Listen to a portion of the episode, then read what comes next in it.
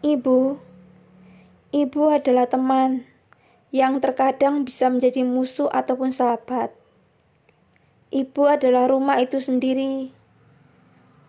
Tubuhmu adalah bait Allah, begitulah kata kitab suci.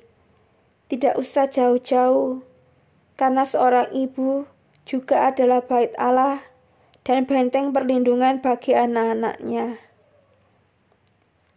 Dan aku pun pergi bersama ibuku. Apakah ibu adalah kawan sekubur dengan anaknya sendiri? Aku pun tidak tahu pasti.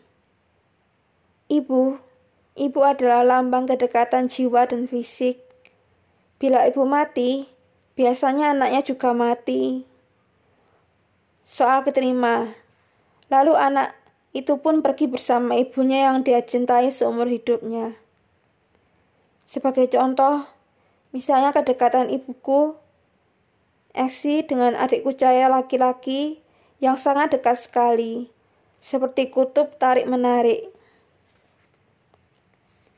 Ada pepatah juga bahwa surga ada di telapak kaki ibu.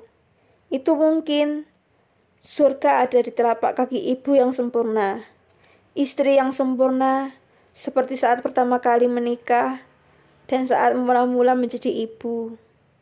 Aku sedih karena aku seperti anak-anak lain dan seperti masa-masa kecil ibu-ibu yang lain. Bahwa suatu saat kita harus berpisah dengan teman-teman kita, pulang ke rumah, dan menemui ibu dan rumah yang menjadi surganya.